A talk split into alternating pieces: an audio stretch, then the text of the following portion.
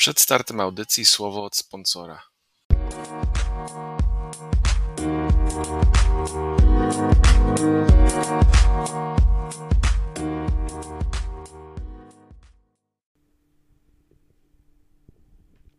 Draft Las Vegas już w ostatnich dniach kwietnia, w związku z tym postanowiliśmy przygotować szybki draftowy przewodnik dotyczący najlepszych zawodników oraz tych, którzy mają papiery na wielkie granie, ale z jakich względów prognozuje się ich wybór w dniu trzecim, bądź nawet będą to zawodnicy niewybrani e, i, i będą niewybranym wolnym agentem już od dnia e, pierwszego po drafcie. Wraz ze mną jest nasz ekspert od spraw draftowych, Dominik Kędzierawski. Cześć Dominik. Cześć, cześć. W części pierwszej, bo tak się umówiliśmy, omówimy ofensywę, a w części drugiej defensywę, by też za dużo wiedzy nie pakować w jeden podcast i zobaczymy jak to nam wyjdzie. Zaczynając od ofensywy, na jej czele stoją rozgrywający, no i więc właśnie Dominik, jak to jest z tymi rozgrywającymi na wstępie? Będzie branie, będą wielkie wymiany, czy raczej trzeba szykować się na spektakularne spadki, które widzieliśmy w ostatnich latach?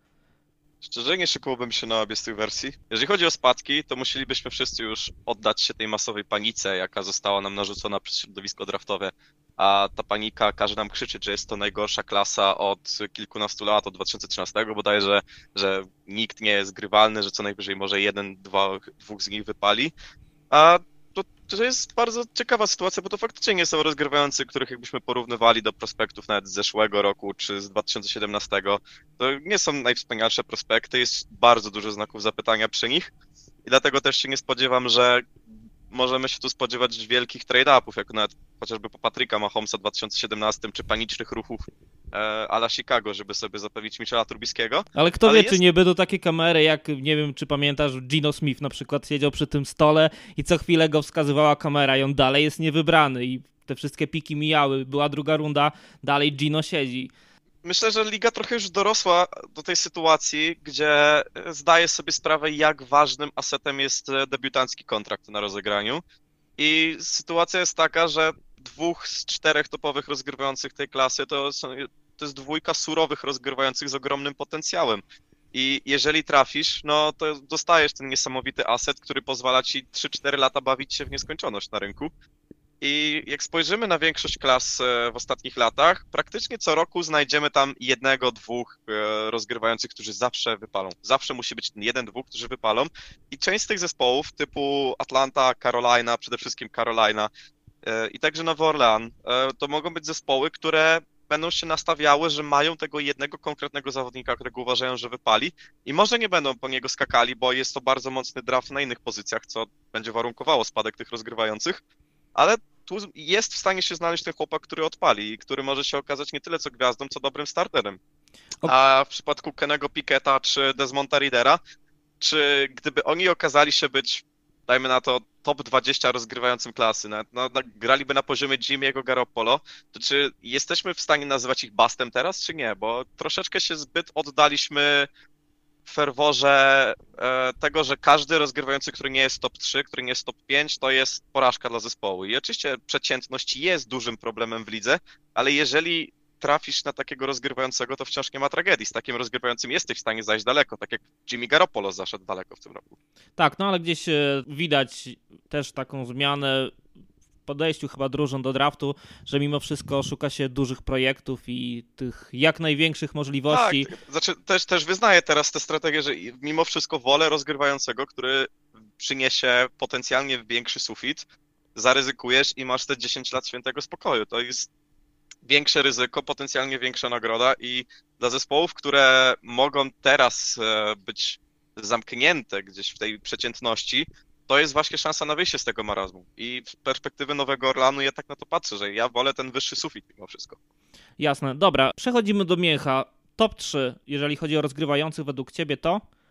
E, Malik Willis, Kenny Pickett, Matt Corral i gdzieś tam tą opcją egzekwo z nimi jest Desmond Reader, który technicznie jest zdecydowanie najlepszym rozgrywającym ze wszystkich w tej klasie i gdzieś ta, ta czwórka powinna mimo wszystko znaleźć się w pierwszej rundzie. Byłbym zdziwiony, gdyby przynajmniej trzech z nich nie było wybranych w pierwszej rundzie.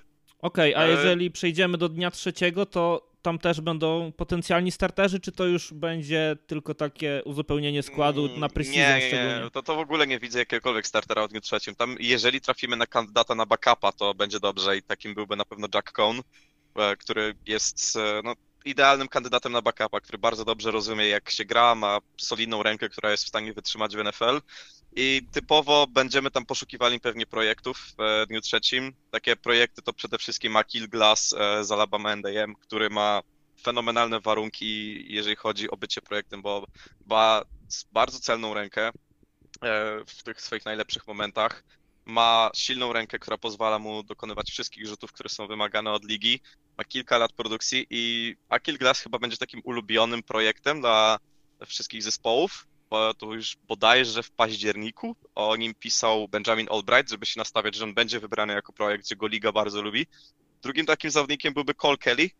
I Cole Kelly, który ma absurdalne warunki fizyczne, 6'7", 250 funtów i ma fenomenalną rękę. I to ręka, która generuje siłę rzutu z łatwością. Kwestia tego, czy znajdzie się chętny na to, żeby uczyć go wszystkiego innego, bo tutaj już bierzesz czysto siłę ręki, ale to jest typowy dzień trzeci, to jest e, słaba klasa też pod tym aspektem, że tu nie ma zbyt wielkiej głębi tych rozgrywających. Na dobrą sprawę po Carsonie Strongu jest przepaść. Tam już bierzesz co najwyżej backupów i bez większych szans na to, że będą jakimiś starterami. Tak, wspomniałeś jeszcze w swoich notatkach, bo rozmawialiśmy też przed podcastem o tych wszystkich nazwiskach. Dustin, Cram, Ken State. To też jest taki projekt, czy po prostu. To jest, e, dla mnie to jest taki ciekawszy kandydat na backupa przez to, że jest e, mobilny, potrafi operować w systemie, potrafi przede wszystkim e, efektywnie operować w systemie. To jest bardzo ważne, jeżeli masz mieć perspektywę na bycie backupem. I dodałem go też ze względu na tę mobilność, bo jeżeli twój backup potrafi zagrozić czymś innym niż tylko poprawną egzekucją systemu, to jest w stanie naprawdę powalczyć w lidze i pokazał to Tyler Huntley w tym roku. I Tyler Huntley przyszedł do ligi nie mając silnej ręki, ale Tyler Huntley przede wszystkim potrafił efektywnie prowadzić swój zespół, potrafił wykorzystywać swoją mobilność, e, tym brylował w Utah, tym Dustin Crum brylował w Kent State i gdzieś te podobne zalążki byłbym w stanie zobaczyć w przypadku Krama, ale to biorę go z perspektywy sympatii do tego zawodnika i gdzieś z tyłu głowy myślę, że ma szansę się zakotwiczyć w lidze jako backup. Okej, ale tak z drugiej strony gdzieś e, przyszło mi teraz na szybko do głowy nazwisko wybrane w zeszłym roku przez Tampa Bay Buccaneers, czyli Kyla Traska. Jakbyś go gdzieś tutaj widział dzień trzeci? Kyle Trask w tym roku poszedłby też w drugiej rundzie i byłby w top 5 rozgrywających na pewno. Myślę, że byłby nawet w stanie powalczyć e, z topką rozgrywających. Po tym sezonie, jaki miał Kyle Trask, to myślę, że hype na niego byłby porównywalny, jak w poprzednim roku mieliśmy hype na Maca Jonesa. Okej, no to zaskoczyłeś mnie, bo po tym opisie, który przedstawiłeś, wydawało mi się, że chyba nikt nawet nie e, planuje, wiesz- żeby był starterem. Taka marna Trask perspektywa. wszedłby z bardzo dużą podłogą i to był jego argument, żeby go wybrać, dlatego też go Tampa wybrała. Przede wszystkim się chyba Tampa nie spodziewała, że Tom Brady wróci i mielibyśmy Kyla Traska jako roz- rozgrywającego już w tym sezonie i prawdopodobnie będzie rozgrywający w przyszłym sezonie, jeżeli Tampa się nie połasi nagle na e, jeszcze innego prospekta. I patrząc na to, jakie podłogi mają rozgrywający w tej klasie, to Trask na pewno by poszedł w tej drugiej rundzie, czysto z powodu swojej podłogi, bo taką podłogę, jaką on oferował rok temu, nie oferuje, myślę, żaden rozgrywający obok Kenego Piketa w tym momencie i być może Desmonta Readera. A Trask miał fenomenalny sezon i myślę, że zespoły po takim sezonie też bardzo przychylnie by na niego patrzyły. Tak jak patrzą teraz na Kenego Piketa. Kenny Piket miał fenomenalny sezon, też był porównywany do Joe Barrowa, jak był porównywany Kyle Trask w poprzednim sezonie i to by sprawiło, że gdzieś w tej pierwszej rundzie pewnie by się zakotwiczył. Dobra, kolejna pozycja, może mniej elitarna, ale jednak również ważna. Running Becy, co tutaj w tym roku nam Liga proponuje, co, co zobaczymy? Jaka jest twoja czołówka, Dominik? Przede wszystkim Breeze Hall, Isaiah Spiller, Kenneth Walker to myślę jest taka żelazna trójka running backów, którzy powinni się ocierać o nominację do Pro Bowl. Przynajmniej raz w swojej karierze nawet powinni się tam myślę znaleźć. Kenneth Walker miał fenomenalny poprzedni sezon, Breeze Hall podobnie. Isaiah Spiller e, no, spadł gdzieś w tym rankingu, bo to on miał być tą jedynką tej klasy, ale wciąż jest bardzo dobrym prospektem. W przypadku dnia trzeciego, bo wiemy, jakiej dewaluacji jest poddana ta pozycja w lidze, tutaj e, mam dwu, dwa typy zawodników. Przede wszystkim pierwszy typ, czyli zawodników, którzy potrafią dobrze nawigować się na boisku z tym, co się dzieje, korzystać z bloków, bo to jest bardzo ważne w schematach strefowych. I dwójką takich zawodników dla mnie są e, Terion Davis Price z LSU. On ma profil fizyczny zawodnika, który oferuje coś więcej. Myślę, że to jest taki typowy powerback, który będzie brał na siebie bloki i przebiegał dalej. A okazuje się, że on ma trochę finezji w swojej grze, przede wszystkim jeżeli chodzi o aspekty mentalne. Jest ten potencjał fizyczny do odblokowania i myślę, że to jest taki jeden z kandydatów na tej pozycji, żebyśmy mówili, że o, on może być stylem i potem się zastanawiać, dlaczego on tak spadł. Drugim takim zawodnikiem jest e, Tyler Allegayer z e, BYU. To jest, myślę, jeden z idealnych kandydatów do systemów Kyla Shanahana i potem się dziwimy, skąd on wziął znowu kolejnego chłopaka typu Elijah Mitchell, który robi cyferki i wziął się z Gikont i to jest właśnie Tyler Allegayer.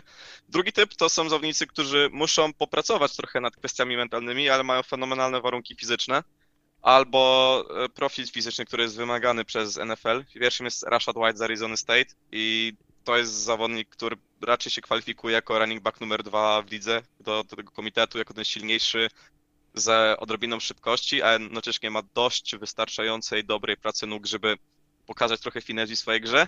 Drugie nazwisko Hassan Haskins z Michigan, e, bardzo dobry sezon w jego wykonaniu, typowy e, workhorse na pozycji running backa, jeżeli troszeczkę też pohamuje w swojej grze, naprawdę myślę, że może być efektywnym zawodnikiem i czymś na wzór Gasa Edwardsa do, w zespole, do którego trafi.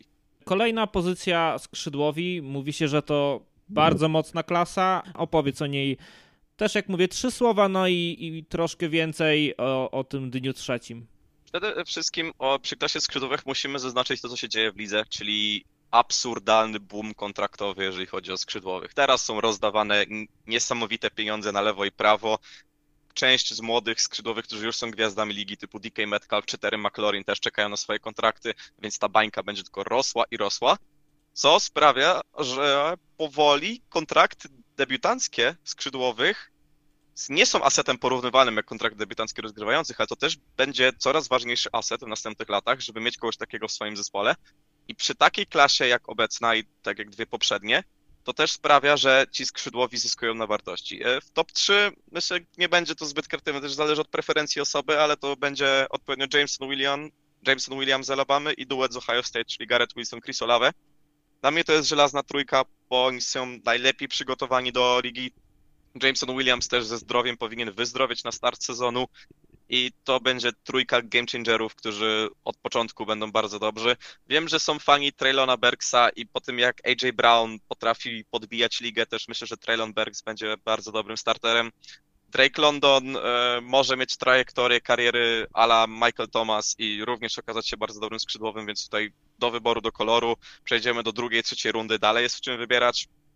Więc jeżeli chodzi o dzień trzeci, postanowiłem wziąć kilku zawodników, o których się tak nie mówi, już nie będzie to na przykład Khalil, Shakir e, czy inni zawodnicy, którzy mogą spaść. Wybrałem Erika Zukanme z Texas Tech, czyli trochę większego skrzydłowego, który ma jednocześnie bardzo dobrą pracę nóg i pomimo tego, że gdzieś to jego route running jeszcze nie dojeżdża, to jest czym tam pracować i można tam coś naprawdę fajnego znaleźć. Drugim takim zawodnikiem jest Jacari Robertson z Wake Forest, czyli jeden z moich takich cichych ulubieńców od paru miesięcy. Myślę, że skończę jako undrafted free agent, ale jest to bardzo dobry zawodnik z, ze świetnymi rękoma jako Z receiver albo slot receiver. Może okazać się stylem. Myślę, że załapie się do 53, jeżeli tylko trafi do sytuacji, gdzie będzie w stanie się znaleźć w głównym zespole.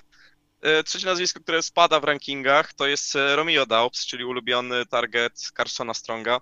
Prototypowy, chyba taki skrzydłowy, który jest w stanie stworzyć odrobinę separacji, jest w stanie wygrać 50-50, jest w stanie wygrać na wszystkich trzech poziomach, tylko no, trzeba z nim popracować. Jest bardzo dużo wad w jego grze, które muszą w tym momencie być wyczyszczone. On ma duże problemy, jeżeli też chodzi o release i też to, to będzie projekt. Romeo Dubs będzie takim projektem na czwartą, piątą rundę, ale jest tam z czym pracować. Pokazywał w Nevadzie, że potrafi momentami dominować swoją konkurencję.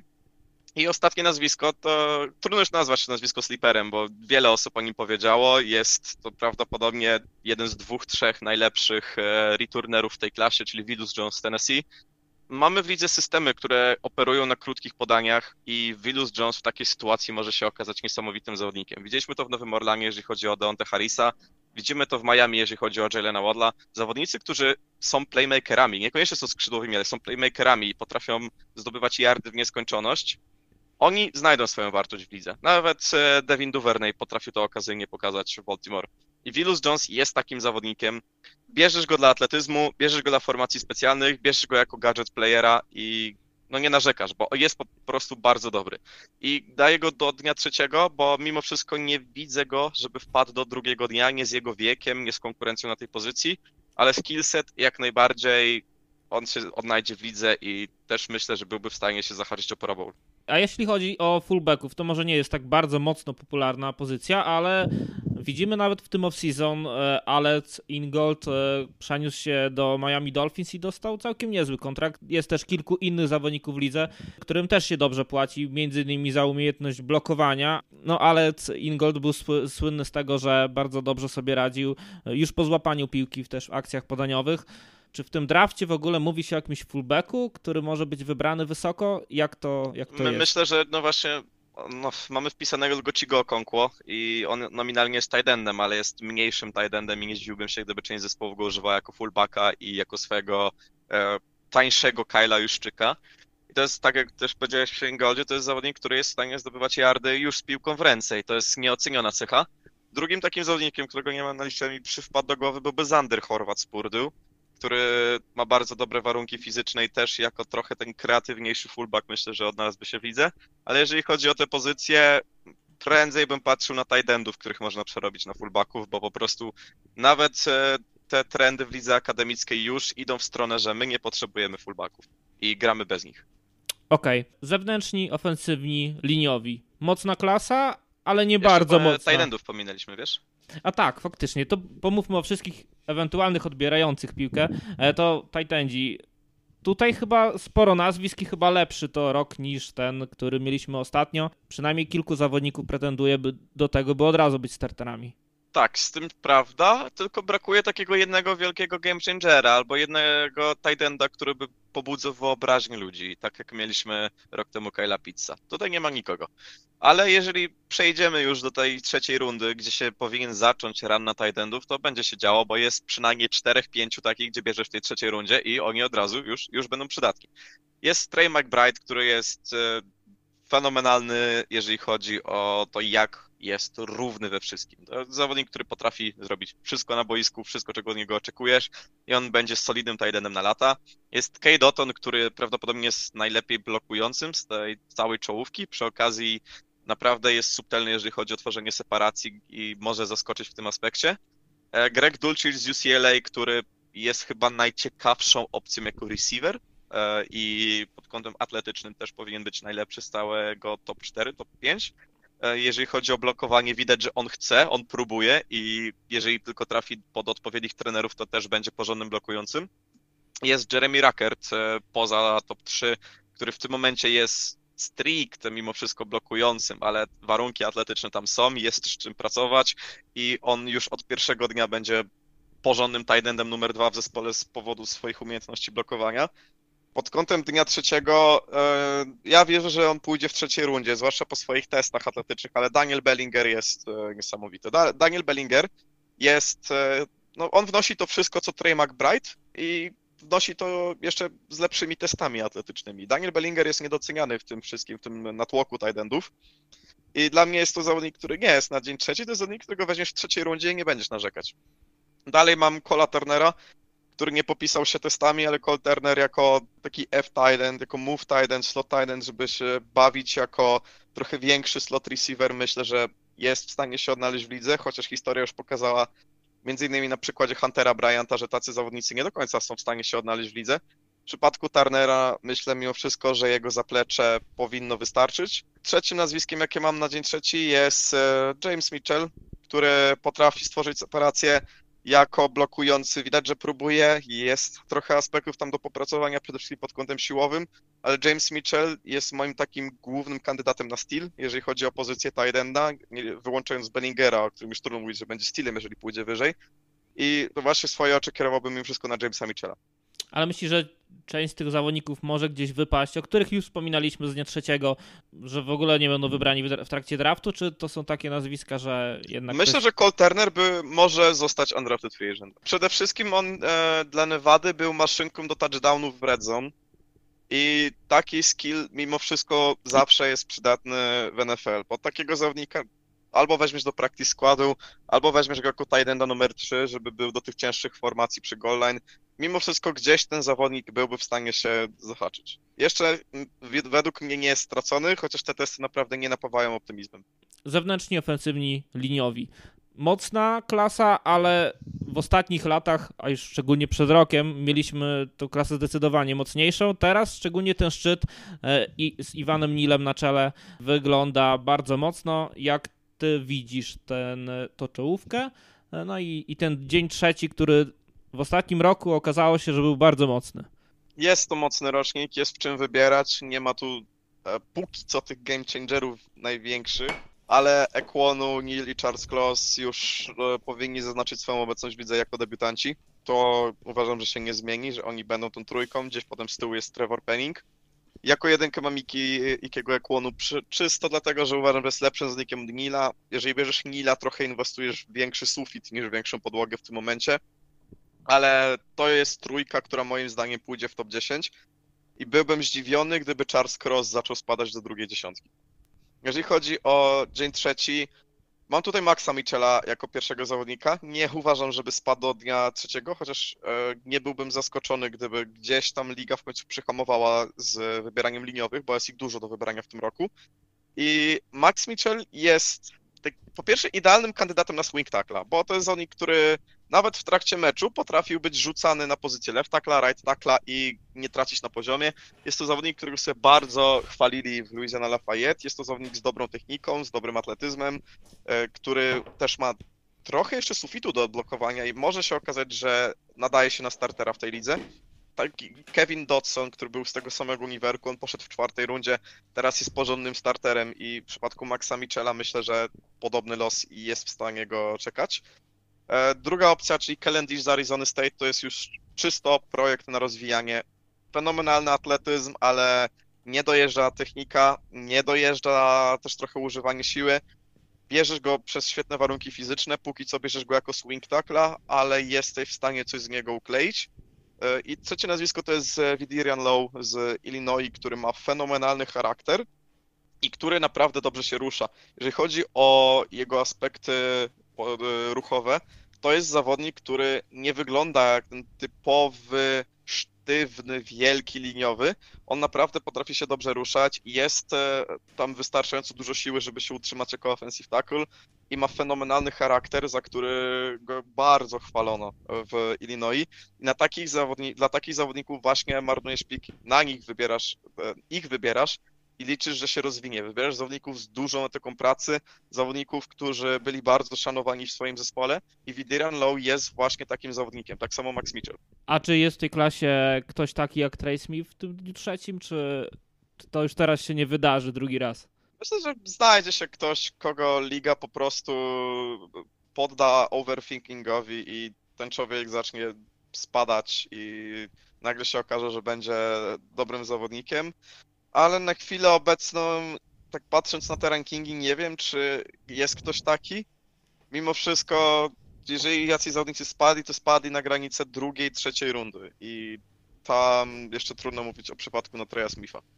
Okej, okay. jeżeli chodzi o gardów, y, jak tutaj wygląda sytuacja? Oczywiście jedenką jest Zion Johnson, na dwójce Kenyon Green, na trójce Logan Brass. Myślę, że to są zawodnicy, którzy będą wartościowymi starterami już od e, pierwszego dnia. I pierwsza runda? Zion Johnson myślę, że pójdzie w pierwszej rundzie. Green i Brass to już będzie druga runda. Brass w ogóle już e, z nakreśleniem, że to będzie gdzieś tam pomiędzy drugą a trzecią. E, jeżeli chodzi już o dzień trzeci, mam tutaj e, przede wszystkim Cade'a Mace'a z Tennessee. Wszechstronny liniowy, który potrafi grać na każdej pozycji w linii ofensywnej, jest inteligentny, ma dobrą technikę. Taki, takiego zawodnika wrzucasz do swojej linii ofensywnej i on nie będzie game changerem, nie będzie pro bowlerem, ale będzie zawodnikiem, którego nie będziesz chciał wyrzucać z tej linii, bo ci zapewnia po prostu solidność w najgorszym wypadku. I Cade Mace jest pierwszym takim moim wyborem. E, drugi jest Ed Ingram z LSU, czyli zawodnik, który jest wystarczająco dobry pod kątem profilu fizycznego, projektuje dobrze do NFL pod kątem pass protection i tacy, tacy zawodnicy znajdą swoje miejsce. Jeżeli nawet nie generują jakiegokolwiek puszu w grze biegowej, jeżeli utrzymasz swoje w pass protection, znajdziesz swoje miejsce w lidze. Nawet jako backup. I Ed Ingram jest takim kandydatem dla mnie. Trzecie nazwisko to jest Spencer Barford, to już jest czysto pod kątem projektu, jest to atletyczny liniowy, który jest w stanie właśnie generować push, e, push w grze biegowej. Bierzesz go dla atletyzmu, liczysz, że coś z niego będzie, bo to jest właśnie trzecia runda pod kątem liniowych. Albo bierzesz zawodników, o których wiesz, że nie mają sufitu, ale nadrabiają inteligencją, solidnością, niezawodnością i wnoszą jakikolwiek poziom. I znajdziesz tutaj backupa albo tego słabszego liniowego w swoim zespole, albo inwestujesz w te wielkie projekty. Spencer Barford jest jednym z projektów.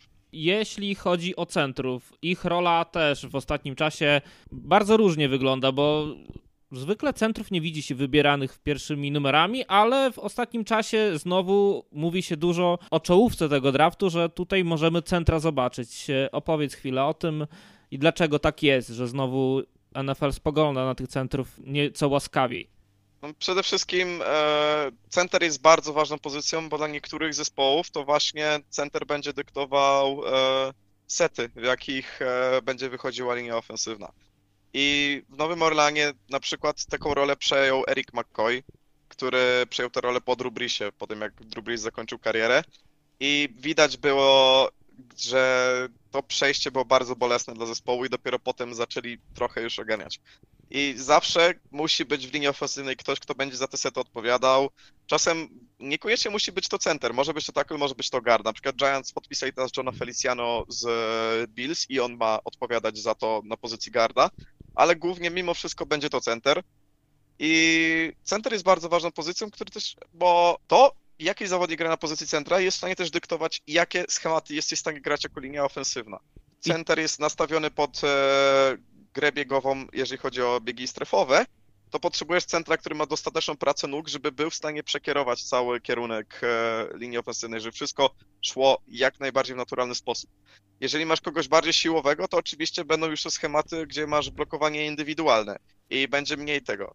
I to center jest bardzo ważną pozycją i też trochę chyba niedowartościowaną e, w oczach wielu fanów, bo jeżeli masz klasowego centra, to wszystko śmiga jak należy. Wszystko jest idealne, wszystko jest perfekcyjne. Nie, nie, ma, nie ma wielu błędów, jeżeli chodzi o podwojenia czy schematy w linii ofensywnej. Spójrz na przykład na Philadelphia Eagles, gdzie Jason Kelsey robi fenomenalną robotę. Jeżeli masz z kolei tragicznego centra, to to zauważysz. Zauważysz, że twój rozgrywający jest sakowany, zauważysz, że twoja linia popełnia więcej błędów i mimo wszystko, gdy jest opcja wybrania game changera na tej pozycji, to go bierzesz. I w tym roku mamy takiego game changera, to jest Tyler Linderbaum z Iowa, jest fenomenalnym zawodnikiem. Myślę, że będzie pro bowlerem wieloletnim, bo jest to prawdopodobnie jeden z najlepszych prospektów na pozycji centra, jakich widzieliśmy od dawien dawna. I to jest zawodnik, którego bierzesz e, w top 10. On może mieć porównywalną wartość do tego, do tego jaką miał Quentin Nelson wchodząc do ligi. I jeżeli się nie znajdzie w top 10, to tylko dlatego, że jest jeszcze kilku troszeczkę nawet nie lepszych. Tyler Innerbaum myślę, że jeżeli chodzi, jak mamy w MMA, pound for pound, to on jest w tym momencie najlepszym liniowym w ogóle ze wszystkich, jacy wchodzą do ligi, ale liga troszeczkę chyba dalej szanuje bardziej pozycję offensive tackla. Myślę, że ona jest bardziej wartościowa, dlatego tych trzech, dwóch offensive tackli pójdzie nad Linderbaumem, ale Linderbaum jest game changerem. Drugim nazwiskiem za Linderbaumem jest już gdzieś myślę w trzeciej rundzie Luke Fortner z Kentucky bardzo inteligentny zawodnik, świetny pod kątem charakteru, dobry atletycznie, e, bardziej chyba mimo wszystko z zone center niż e, siłowy, ale Luke Fortner to jest taki typowy zawodnik, którego bierzesz, żeby mieć spokój na pozycji centra, nie mieć nikogo słabego. To będzie zawodnik, który będzie po prostu dobrym starterem w swojej karierze. I w top 3, w top 3 nikogo nie mam, dlatego że na pozycji centra jest potem posłucha. Masz tę dwójkę, potem już musisz trochę bardziej szukać projektów. Jest w tej klasie wielu zawodników, którzy mają doświadczenie na kilku pozycjach. Centrem może być na, także Cade Mace, e, wspomniany na pozycji garda z Tennessee, ale jeżeli chodzi o czystego centra, nie ma nikogo, kto moim zdaniem zasługiwałby na to top 3, a nie chce wrzucać jakiegokolwiek projektu z dnia trzeciego. I przechodząc do dnia trzeciego, Jednym z takich projektów jest Zach Tom, który ostatnie dwa lata spędził jako offensive tackle, ale posiada wystarczająco dobrą technikę i inteligencję, żeby sobie poradzić jako center. Jest e, Jason Hines z LSU, który jest e, siłowym centrem i który przede wszystkim byłby centrem odpowiedzialnym bardziej za grę biegową niż e, pass protection. I widziałem, że kilka osób, innymi PFF na przykład ma Donowana Westa z Arizona State jako centra, tylko jest to mniejszy zawodnik, który ma co najwyżej wystarczający atletyzm, braki techniczne i jeżeli on jest top 3 klasy, to nie świadczy dobrze o głębi pozycyjnej. Więc e, tutaj trzeba się nastawiać, że Linderbaum i Fortner są game changerami. Tak, tu jeszcze, jeżeli chodzi o centra, trzeba też brać pod uwagę to, że przynajmniej w tych pierwszych latach, czy w pierwszym roku, ci centrzy, szczególnie wybierani w dniu trzecim, też mogą gdzieś być rotowani po innych pozycjach, na przykład na pozycji garda e, i, i może tak, gdzieś... I ktoś może próbować gdzieś w ten sposób gdzieś go um, spróbować wykorzystać, te walory. Natomiast jeżeli chodzi, tak podsumowując całą klasę i ofensywę, bo to ostatnia pozycja, którą omawiamy, jeżeli miałbyś wskazać jedną pozycję, która jest zdecydowanie na, najmocniejsza wśród wszystkich, oprócz skrzydłowych, bo o nich mówiliśmy, że co roku liga produkuje świetnych zawodników, bo tak po prostu w takim kierunku zmierza i liga NCAA, i liga NFL, że po prostu ci skrzydłowi są elitarni. Jak wygląda to w tym, w tym roku, w tym drafcie? Myślę, że drugą najlepszą pozycją jest offensive tackle. Bardzo mocny sufit, mocny, mocny środek. W trzeciej rundzie znajdziesz projekty pokroju Nicolasa Petita Frere, który jeszcze niedawno był przecież sam przymierzany do pierwszej rundy. E, znajdziesz e, tam Abrahama Lukasa, który jest plug and play pass protectorem. Znajdziesz tam projekty ala Rashid Walker i w trzecim dniu prawdopodobnie znajdziesz Maxa Michela, Wideriana Lowa i Kalina Disha i to jest mocny rocznik. To jest bardzo mocny rocznik. Jest w czym wybierać, są projekty, są zawodnicy na teraz, jest mocny top, mocny środek, jest w czym przebierać na sam koniec i dlatego uważam, że offensive tackle jest drugim najlepszym zbiorem pozycyjnym w ofensywie. Tak więc fani wszystkich ekip, którzy pewnie w pierwszych, pierwszych rundach nie będą decydować się na takli, e, absolutnie trzeba śledzić ten draft do końca, bo tak jak mówisz Dominik, wydaje się przynajmniej na papierze, że, że będzie w czym wybierać i że ci zawodnicy mogą sporo dziur e, w drużynach NFL załatać. E, myślę, że to tyle, jeżeli chodzi o część pierwszą. Nie będziemy przedłużać, byście mieli to pigułkę maksymalnie skondensowaną. Mówimy wam do następnego i za chwilę słyszymy się za kilka dni. Słyszymy się w części drugiej. Cześć. Cześć. cześć.